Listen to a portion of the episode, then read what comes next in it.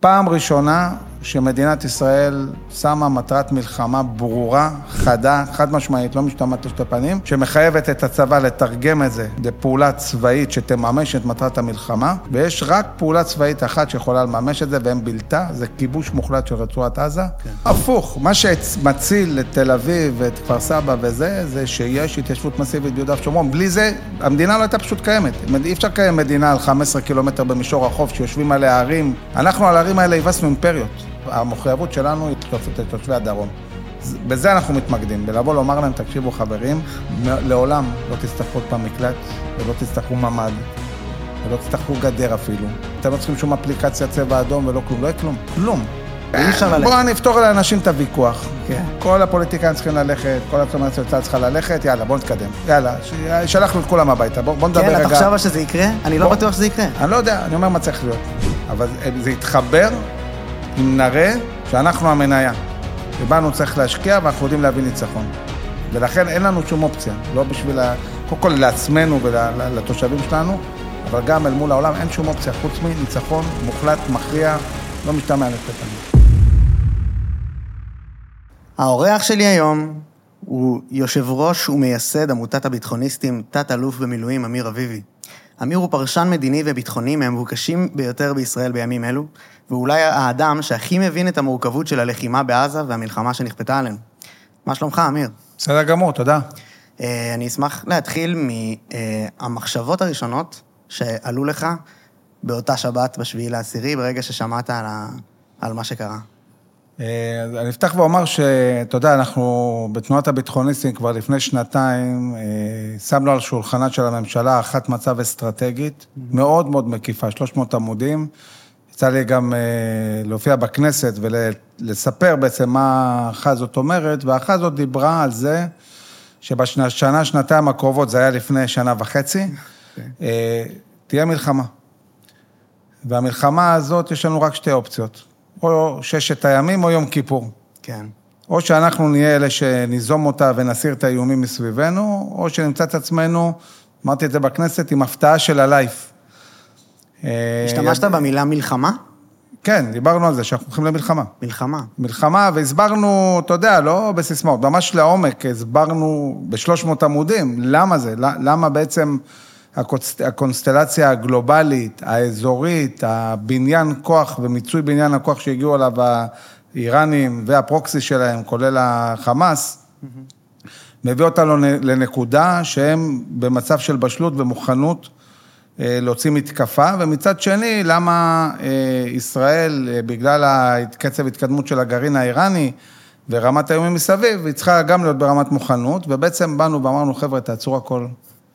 צריך פה ממשלת אחדות, צריך פה השקעות עתק בצבא, צריך להכין את הצבא למלחמה, אנחנו הולכים למלחמה. אה, תפסיקו עם כל הפוליטיקות הקטנות שלכם וכל מה שראינו בשנתיים האחרונות. זה ממש, דרך אגב, הכל מוקלט, מי שייכנס לפייסבוק של הביטחוניסטים, כן. יוכל לראות את ההופעה שלי בכנסת, מדבר על כל זה. אנחנו נשים את זה כקישור פה מתחת, כן. כן, ונאמר מאוד מאוד ברור, דרך אגב, זה הוצג לראש המוסד ולנתניהו ולמפכ"ל ולמל"ל ונשלח לצבא. באמת, אה, כן. מסמך מאוד, מרכ... מאוד משמעותי. ש... אז בעצם כשאני פוגש את השביעי באוקטובר בשש וחצי בבוקר, התממש מה שהבנו שאמור להתממש, בתרחיש שהבנו שהוא יהיה תרחיש יום כיפור. והשאלה הראשונה שאני שואל את עצמי, למה חיזבאללה לא תוקפים במקביל? כי בעצם היה תרחיש הרבה יותר רחב. זאת אומרת, אני ציפיתי ש... ההפתעה תהיה משני הכיוונים. כן. לקח לי בערך דקה לענות לעצמי, שככל הנראה האיראנים החליטו כאסטרטגיה לנסות לשבש את בניין הקואליציה שהתחילה להיווצר האמריקאית, ישראלית סונית, אותו נורמליזציה. עם, ה... עם הסעודים. כן, עם, איך קוראים לזה? עם סעודיה. אברהמיק אקורדס, איך כן. זה נקרא? עכשיו, צריך להבין, כן. נורמליזציה עם סעודיה זה לא עוד מדינת אה, אברהם אקורד שעושים כן. את השלום, אלא בעצם... היה פה רעיון אמריקאי לבנות חזית, נכון. אמריקאית ישראלית סונית, שתשתרע, דרך אגב, עד אינדונזיה, כולל פקיסטן, אומן, מלזיה, משהו גדול, mm-hmm. אל מול החזית שנוצרה במזרח, שזו חזית אה, רוסית-איראנית, מגובה על ידי סין. כלכלת סין. כן, אנחנו בביטחוניסטים דיברנו המון בוושינגטון על היווצרות החזית הזאת והצורך של ארה"ב להיות פרואקטיבית ולהתמודד עם זה. לקח לארה"ב קצת זמן להפנים שהיא צריכה שינוי מדיניות מקצה לקצה, מבדלנות ונסיגות למנהיגות ונוכחות במזרח התיכון. אז אתה בעצם אומר שלא רק שזה לא הפתיע אותך, אתה ציפית שזה יהיה יותר רחב. כן, ציפיתי, אז... ציפיתי שזה יותר רחב, אבל הבנתי דקה אחרי שזה התחיל, שהאסטרטגיה האיראנית בשלב הזה, היא להטיל את חמאס למערכה מתוך אה, רצון לשבש את בניית הקואליציה הזאת, כן. אבל איראן, ואני כותב על זה הרבה בספר שלי, לא נשוב בחור, היא, יש לה אסטרטגיה של אה, עומק, של בעצם הרחקת המלחמה ממנה, בשביל זה בונה את כל הפרוקסי האלה, והיא זקוקה לחיזבאללה, היא זקוקה לחיזבאללה בעצם כדי להגן על עצמה, והיא לא כל כך מהר מטילה את שניהם למערכה. כי אם שניהם יוטלו ושניהם יושמדו, איראן חשופה לחלוטין. וואו, אז למעשה אנחנו נמצאים בסיטואציה אה, שכאילו דברים כבר קרו מאז, וחיזבאללה איימה להיכנס, לא נכנסה וכאלה. אתה, אה, תופ... אתה כאילו, דעתך השתנתה במהלך השבועות האחרונים? אז קודם כל, המציאות השתנתה, אז כן. צריך לעדכן את הערכות לפי המציאות. אני רק אומר שהמחשבה השנייה שעברה לי בראש, הייתה מה בדיוק החמאסניקים האלה חושבים לעצמם. זאת אומרת, הם, הם עושים מתקפה כזאת. נכון, תפסו אותנו בהפתעה נורא ואיום, ממש. אבל בסדר, ההפתעה תיגמר באיזשהו שלב, זה הבנתי על הדקה הראשונה. ואז מה, מה הם חושבים בדיוק שיקרה?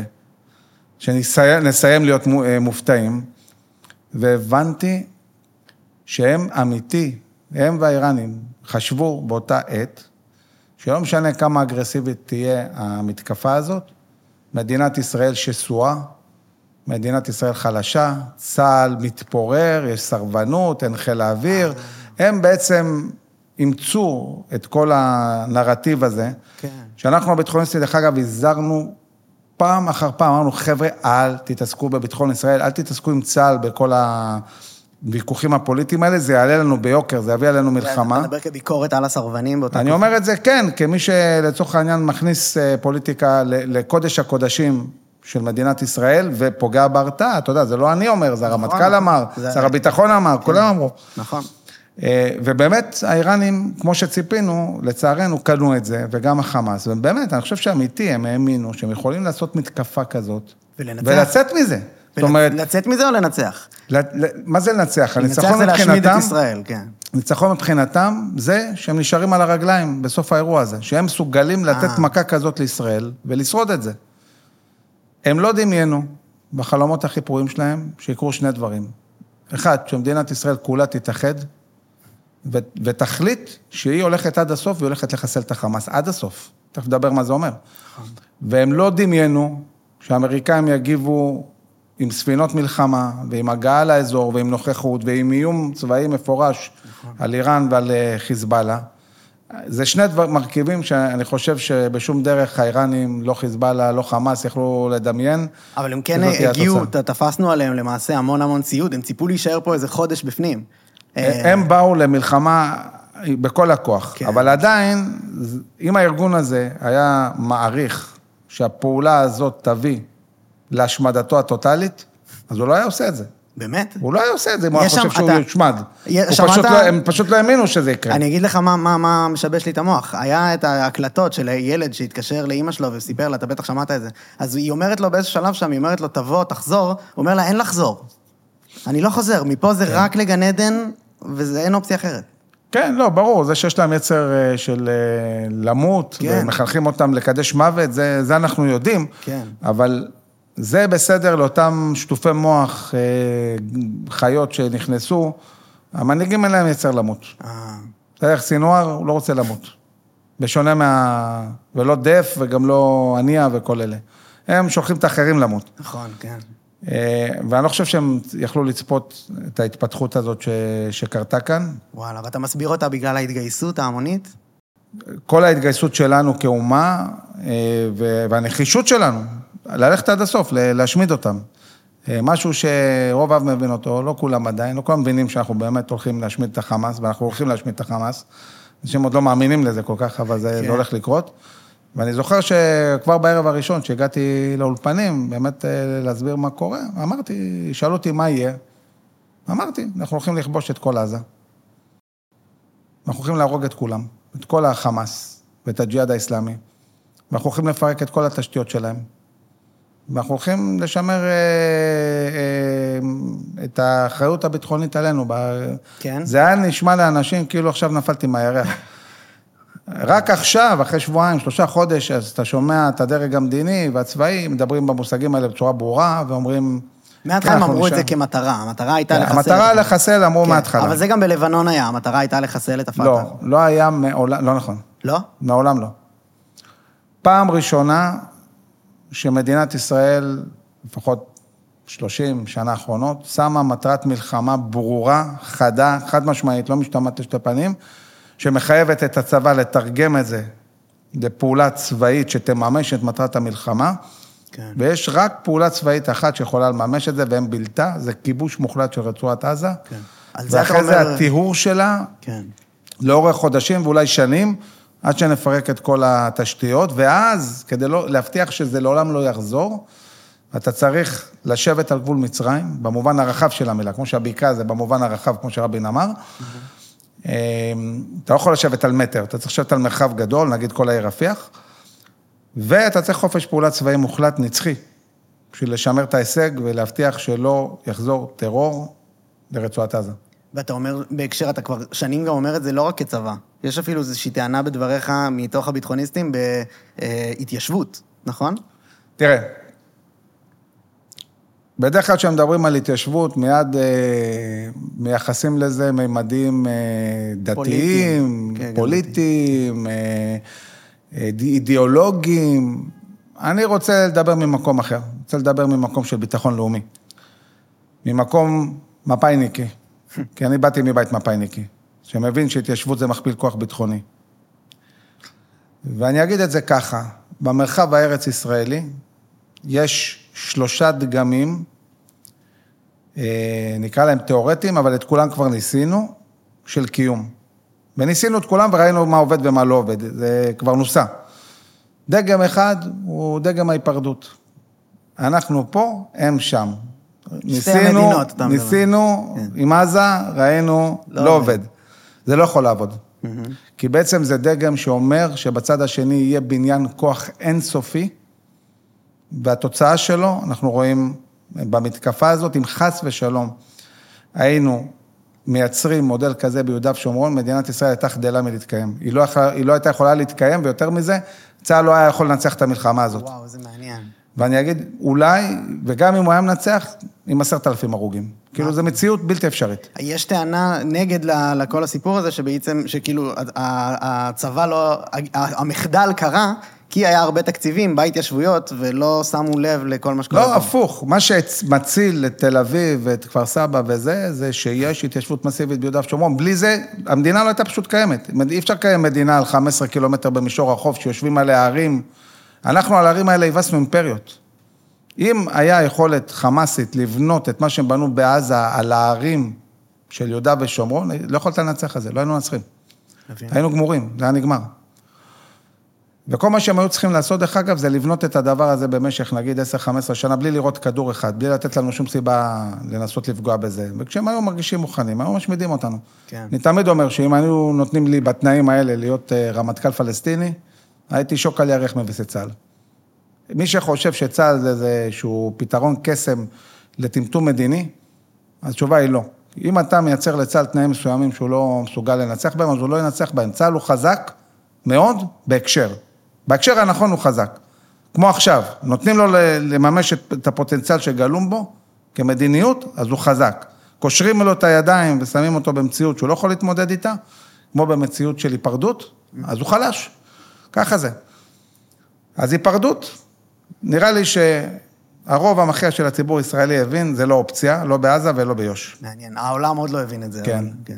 אז, עכשיו, נניח כל מי שהבין את זה, עכשיו יבוא, יתחלק לשתי גישות. גישה אחת אומרת, בסדר, נכון, הבנו, אז בואו נעשה, נקרא לזה שליטה צבאית. איפה ראינו דברים כאלה? שליטה צבאית בלי התיישבות. ראינו את זה באפגניסטן, גם עם האמריקאים וגם עם הרוסים. ראינו את זה בעיראק. ראינו את זה בדרום לבנון. עכשיו, מקרה דרום לבנון בהשוואה ליהודה ושומרון הוא מאוד מאוד מעניין. כי דרום לבנון הוא אזור מאוד קטן יחסית, שם התיישבות לא יהודית, שם כמובן לבנונים, ובמציאות שאין לך מרקם חיים התיישבותי שלך, שמחיה את הצירים, ויש כל הזמן תנועה ויש עוגנים של התיישבות, הדינמיקה היא בדיוק אותה דינמיקה שהייתה באפגניסטן ובעיראק, היא דינמיקה של התכנסות למוצבים, של פתיחות צירים, כי אתה בעצם, לא, הציר לא חי.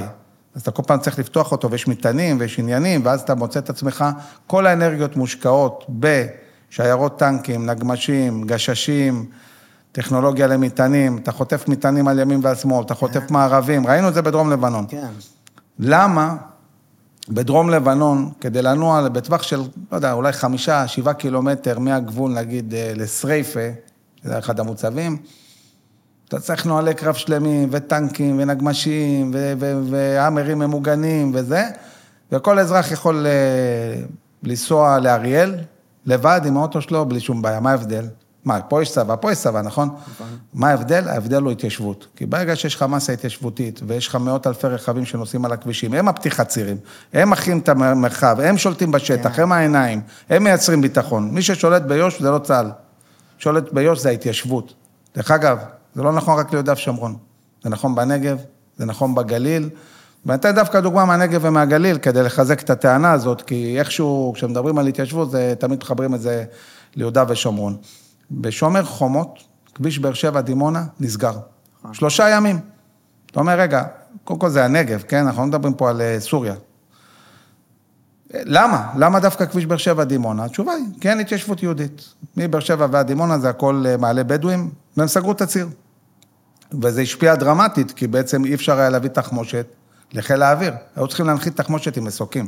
היה, בתוך מדינת ישראל, באמצע מבצע, ל-F-35, אי אפשר להביא את התחמושת, וגם אנשים לא יכולים לצאת מהבסיס, הם נצורים בתוך מדינת ישראל. למה? רק מסיבה אחת, אין התיישבות יהודית. אז אתה אומר, ההתיישבות הזאת מגנה עלינו במרכז. ההתיישבות היא זו שיוצרת רצף על הצירים, היא, כן. היא צריכה להיות בשטחי מפתח. תן דוגמה בגליל. אה, ראש אגף טכנולוגיה ולוגיסטיקה בזמנו מסיים את השירות שלו, הוא אחראי בעצם על כל השינוע הלוגיסטי למלחמה, והוא אומר משפט מדהים, שהדהד בציבור.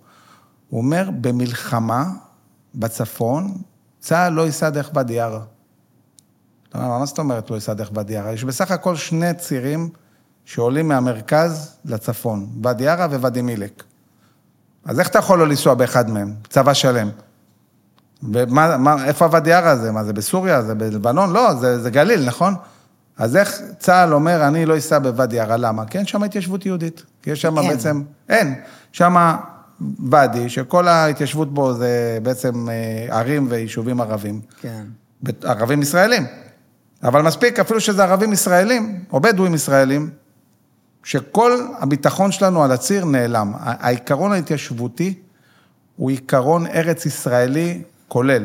יש איתו רק בעיה של התדמית הבינלאומית וכאלה, וכל מיני אני לא אישורים יודע מה זה. בינלאומי, זה אנחנו שמים על עצמנו. אני, אני, אני, תראה, כל ההחלטות הגדולות במדינת ישראל, לא העולם החליט אותן, ישראל החליטה אותן. אוסלו, אוסלו אנחנו המצאנו, התנתקות אנחנו המצאנו. גם פעולות הפוכות, כמו לא ויתרנו על הגליל, לא ויתרנו על הנגב. תראה, בסוף, בסוף מלחמת העצמאות, שאנחנו כלום של כלום, 600 אלף אודים עשנים, כן? שבע צבאות מקיפים אותנו.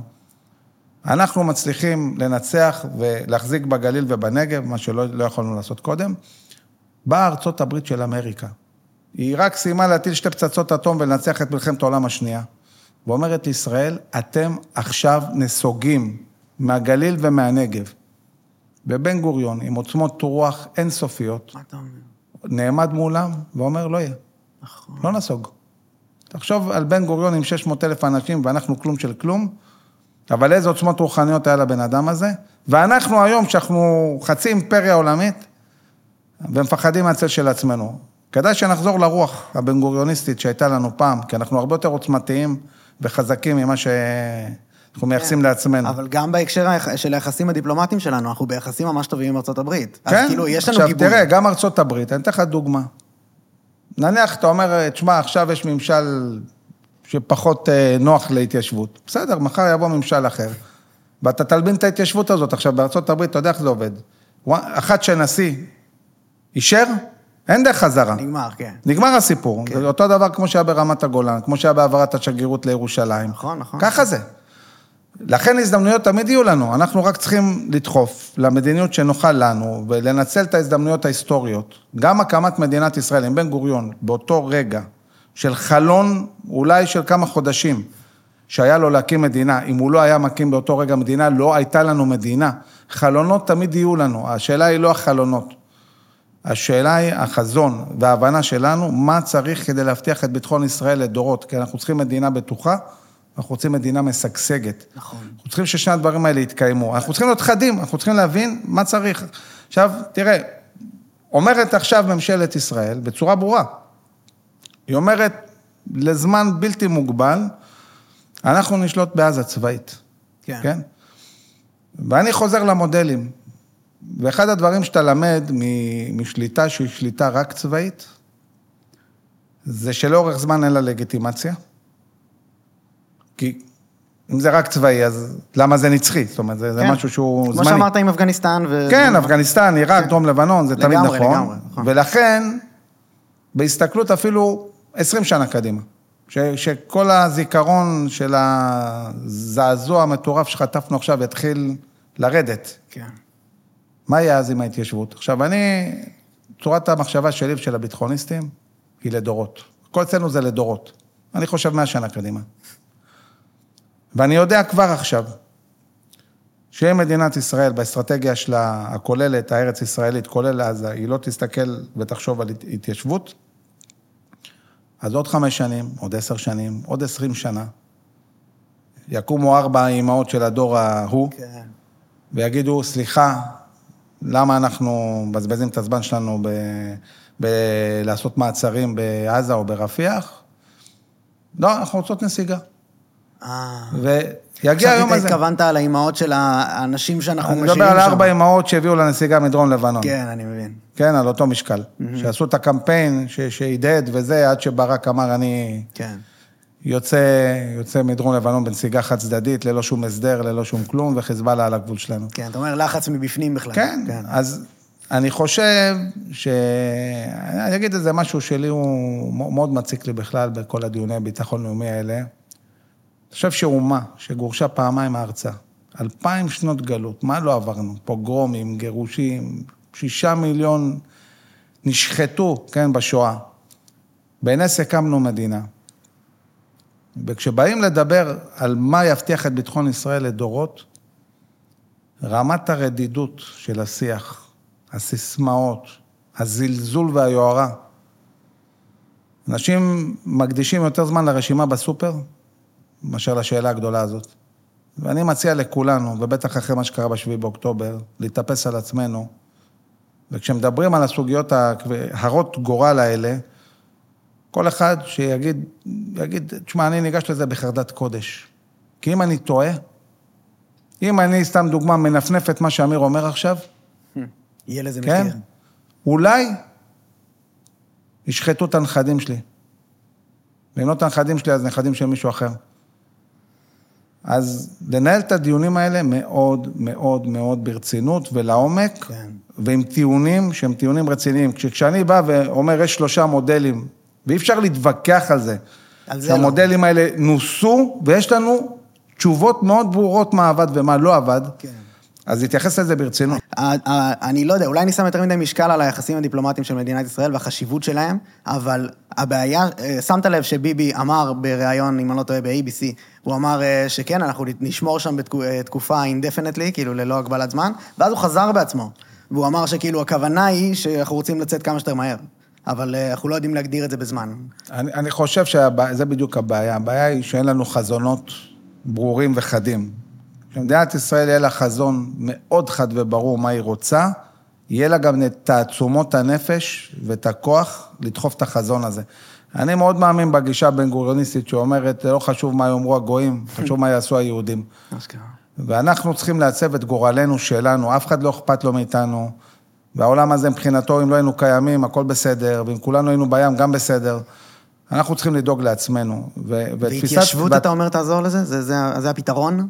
אני חושב שהתפיסה שלי של יחסים בינלאומיים, אה, זה בסוף יחסים שמבוססים עוצמה ואינטרסים. ככל שמדינת ישראל תהיה יותר חזקה, יותר איתנה, יותר חדה, יותר מגובשת, יותר קוהרנטית, ככה היחסים הבינלאומיים שלה ישתפרו, ככה זה עובד. אני אתן לך דוגמה, עד 67', כמעט רוב הזמן שהיינו קיימים, היינו תחת אמברגו אמריקאי. לא עניינו את האמריקאים בכלל. נכון.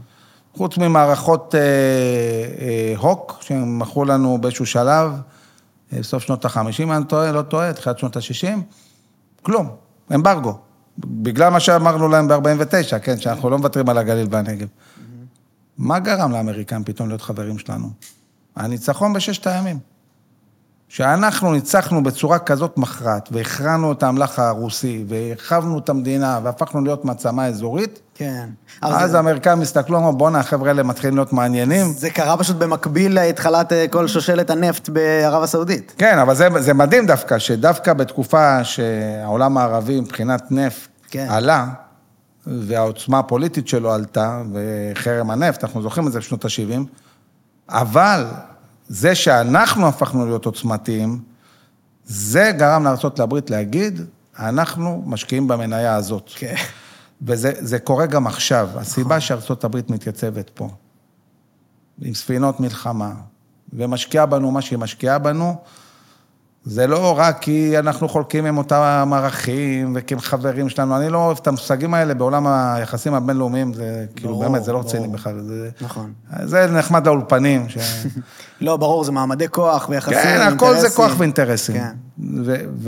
וזה ברור לארצות הברית שאנחנו הגורם שמאפשר להם נוכחות במזרח התיכון, כי בכל מקום אחר הם איבדו את העוגנים. יש בשנות ה-70, יש ציטוט של ביידן, שהוא קצת צעיר יותר, שממש אה, רץ עכשיו, שהוא אומר ב- בקונגרס, אם לא היה ישראל במזרח התיכון, היינו צריכים להמציא אחת. כן, ישראל היא. היא מפתח היום ליכולת של ארה"ב להיות נוכחת משמעותית במזרח התיכון, כן. כי אנחנו רואים איך אה, בעיראק ובאפגניסטן ובסוריה המעמד מתערער, אנחנו רואים שגם המצרים, הסעודים, מתנדנדים, ופתאום, אה, אתה יודע, גם מצרים וגם סעודיה מצטרפים בעצם לשותפות הכלכלית כן. של, אה, של מדינות הדרום והמזרח, לבריקס. אנחנו רואים פתאום סעודיה מחדשת יחסים עם איראן בתיווך סיני, אבל על ישראל אפשר לסמוך. והאמריקאים מבינים את זה, ולכן אנחנו זקוקים היום לסיוע שלהם ולמטריה, הם זקוקים לנו לא פחות. ממש. וצריך לדעת את זה. ממש. כשאנחנו נדע בדיוק מה אנחנו רוצים מעצמנו, גם יימצאו הממשלים שיעזרו לנו לממש את חזוננו. אני אומר את זה אותו דבר על ריבונות. אני, בגלל שאני מבין שהתיישבות היא חובה, למשל ביהודה ושומרון, אז אני חושב שחייבים להכיל את החוק הישראלי על ההתיישבות הזאת ולפתח אותה, גם לדור הצעיר, שיהיה לו איפה לגור. כן. צריך אה, אופק לצעירים, איפה הם וזו יגורו? החלטה של נשיא אחד, זה כל. זה, זה, ברגע ש, שמדינת ישראל תחליט שהיא רוצה, במרחבים שהיא תחליט עליהם, להטיל את החוק, להכיל את החוק הישראלי, פשוט היא צריכה ליפול על הנשיא הנכון ולעשות את זה, וזה, נגמר העניין, ואין דרך חזרה. עשינו את זה ונגמר הסיפור, כמו שעשינו את זה בירושלים וברמת הגולן. נכון. אנחנו, תראה, אני יש לי בעיה גדולה, בכלל, אני אומר, ראיתי את זה בכל השירות הצבאי שלי, ואני אומר גם היום, אנשים במוח שלהם שמים על עצמם מגבלות שלא קיימות. וצריך פה אנשים חזוניים, צריך אנשים שלא חיים בעולם של מגבלות, אלא בעולם של חזונות גדולים, וצריך את זה לא רק בעולם היצירתי, ההייטקי, צריך את זה בעולם המדיני. אנשים של חזונות גדולים, שלא פוחדים לעשות דברים גדולים בשביל העם הזה, בשביל להבטיח את ביטחונו ואת שגשוגו. אה, פשוט שני דברים שעלו לי מתוך הדברים שאמרת. אחד, יותר מעניין אותי בהקשר של, אה, שמעתי את אילון מאסק אומר עכשיו אה, בריאיון לפני כמה ימים, שכל חמאסניק שאנחנו הורגים, לדעתו מייצר שלושה נוספים עם שם אחר, עם מותג אחר. כאילו, האם עצם ההתנהגות, כאילו, מה שעשינו בעזה, בשביל להשמיד את החמאס, האם זה לדעתך בכל מחיר צריך לעשות, ואיך אתה רואה את ההתנהלות שם? אנחנו בעזה צריכים לחסל לחלוטין את החמאס, וזה זה אפשרי. זה עניין פיזיקלי. מלחמה לא מייצרת עוד מלחמה פשוט? לא.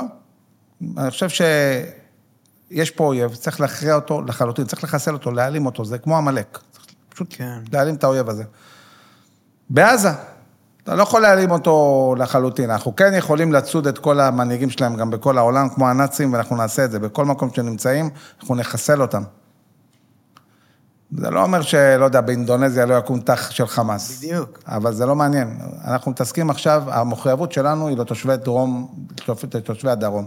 זה- בזה אנחנו מתמקדים, בלבוא לומר להם, תקשיבו חברים, לעולם לא תצטרכו עוד פעם מקלט, ולא תצטרכו ממ"ד, ולא תצטרכו גדר אפילו. ולא יהיה לכם שום, אתם לא צריכים שום אפליקציה צבע אדום ולא כלום, לא יהיה כלום. וואו. כלום. אנחנו נסדר את הצד השני של, ה- של הגדר הזה בצורה כזו, שאתם לא תדעו עוד פחד, לא עכשיו ולא לעולם. וזה בר מימוש. מה יקרה במקומות אחרים? לא יודע. לא אבל מעניין זה גם. בר מימוש. כן. ואני חושב שכל העולם מסתכל עלינו עכשיו, בייחוד העולם המערבי. וכולם יושבים שם, והם יכולים להגיד בטלוויזיה, Humanitarian וזה, הכל טוב ויפה. הם רוצים לראות את מדינת ישראל מפרקת את החמאס לגורמים. הם רוצים לדעת שגם להם יש סיכוי. כי גם להם יש אחים מוסלמים במדינות שלהם. והם רוצים לראות שמדינה מערבית מסוגלת לנצח את זה. מסכים. וכגודל ההכרעה וכגודל הניצחון, ככה יהיה גודל הסכמי השלום אחרי זה, ככה יהיה פה השגשוג, ככה יהיה פה ביטחון לתקופה מאוד מאוד ארוכה, וככה יהיו פה קואליציות. זה מחכים דברים גדולים לעם ישראל, אבל זה יהיה אחרי המלחמה, שהיא מלחמה מאוד מאוד ארוכה, שבה צריך להכריע את כל הגזרות. צריך להכריע את עזה, צריך להכריע את החיזבאללה, וצריך להכריע את איראן. כן. אותה תוכנית הגרעין שלה, ולא הכל צריך לעשות לבד. יש פה גם אינטרסים גלובליים, אזוריים, שצריך לדעת לחבר, אבל זה יתחבר אם נראה שאנחנו המניה, שבנו צריך להשקיע ואנחנו יודעים להביא ניצחון. ולכן אין לנו שום אופציה, לא בשביל. קודם כל לעצמנו ולתושבים שלנו, אבל גם אל מול העולם אין שום אופציה, חוץ מניצחון מוחלט, מכריע, לא משתמע לשתי פנים. מדהים. אפרופו חזון, איזה חזון אה, ממש אה, חזק. שאלה אחרונה, ברשותך. אה, לגבי האשמים, ושמדברים על זה לא הזמן להתעסק בזה והכול, האם אתה מתחבר לצורת התנהלות הזאת של המחדל, או שצריך כן להתחיל לחשוב על אשמים ולהתחיל לחרוץ דין? תראה, אני יכול לכתוב אנציקלופדיה על מי השם, וללכת אה, 30 שנה אחורה ולהתחיל משם לעבור אחד-אחד. זה לא רלוונטי. עכשיו זה לא רלוונטי. אנחנו חייבים להתאחד כאומה, אנחנו חייבים לעמוד מאחורי הממשלה ומאחורי הצבא ולהתעסק רק בדבר אחד, ניצחון. זהו, ניצחון, לא שום דבר אחר. יהיה זמן שתיגמר המלחמה הארוכה הזאת, לעשות בירור עומק, וגם אז אני אומר, מי שחושב שייפתר לו משהו בחיים מזה שמישהו יימצא אשם וילך, אז אני אומר, לא ייפתר כלום. השאלות הגדולות זה לא מי אשם. שאלות, השאלות הגדולות זה מה אנחנו לומדים מכל זה, מה החזון שאנחנו מגבשים יחד, כן. איך אנחנו כחברה משתפרים, מתאחדים, מגבשים חזון משותף והולכים קדימה. מי, מי שלצורך העניין אה, צריך ללכת, זהו, אפשר לטעון שעם האנשים האלה אין חזון, ואי אפשר ללכת. בואו נפתור לאנשים את הוויכוח. כן. כל הפוליטיקאים צריכים ללכת, כל הצומרת של צה"ל צריכה ללכת, יאללה, בואו נתקדם. בואו, בואו, עזבו, יאללה, שלחנו את כולם הביתה, בואו בוא נדבר כן, רגע. אתה חושב שזה יקרה? אני לא בוא- בטוח שזה יקרה. אני לא יודע, אני אומר מה צריך להיות. אני אומר, בואו. נדבר, קדימה. בואו נדבר קדימה, לאן אנחנו כאומה הולכים, אנחנו גם כעם ישראל במובן הרחב, גם יהדות העולם, שחווה פה אנטישמיות מטורפת. ואנחנו צריכים לדבר פה על עלייה, ואנחנו צריכים אה, לדבר פה על קליטה, ואנחנו צריכים לדבר פה על התיישבות, וצריכים לדבר פה על כלכלה, ו... והסכמים, וקואליציות, יש לנו המון- הרבה דברים לדבר עליהם, ואני מציע שלא ניקלע רק לשיח על אה, האשמות.